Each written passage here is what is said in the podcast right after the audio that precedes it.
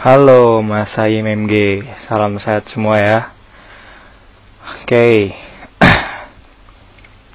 sekarang akan ada penjelasan mengenai GBHK dan AK IMMG bersama saya Admirosadi 125186062.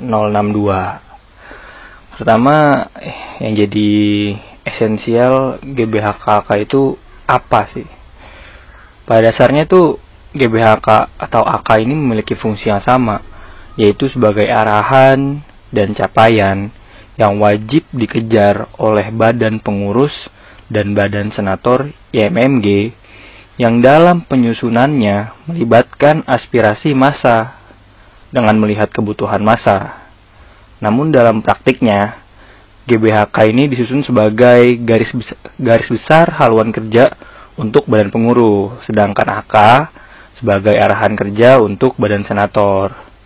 Uh, tapi, uh, balik lagi secara esensial nih kedua-duanya itu merupakan harapan dan mimpi masa IMMG untuk arah gerak IMMG melalui kedua badan eksekutif ini nih.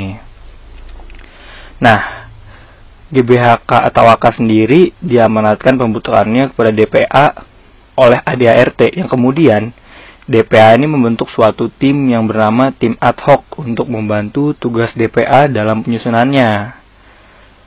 Nah, GBHKK ini berlaku untuk satu periode kepengurusan. Ada nih pasalnya, yaitu di ADART pasal 10, ayat 1 dan 2, dan disusun untuk kepengurusan berikutnya. Ngapa gitu sih?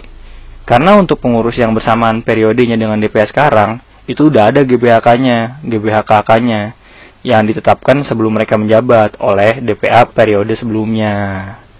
Gitu masa. Jadi ibaratnya ya, GBHKK ini adalah keinginan masa kalau misalnya dianalogikan BP atau Batsen itu adalah yang dorong beca dan becanya ini adalah GBHKK-nya.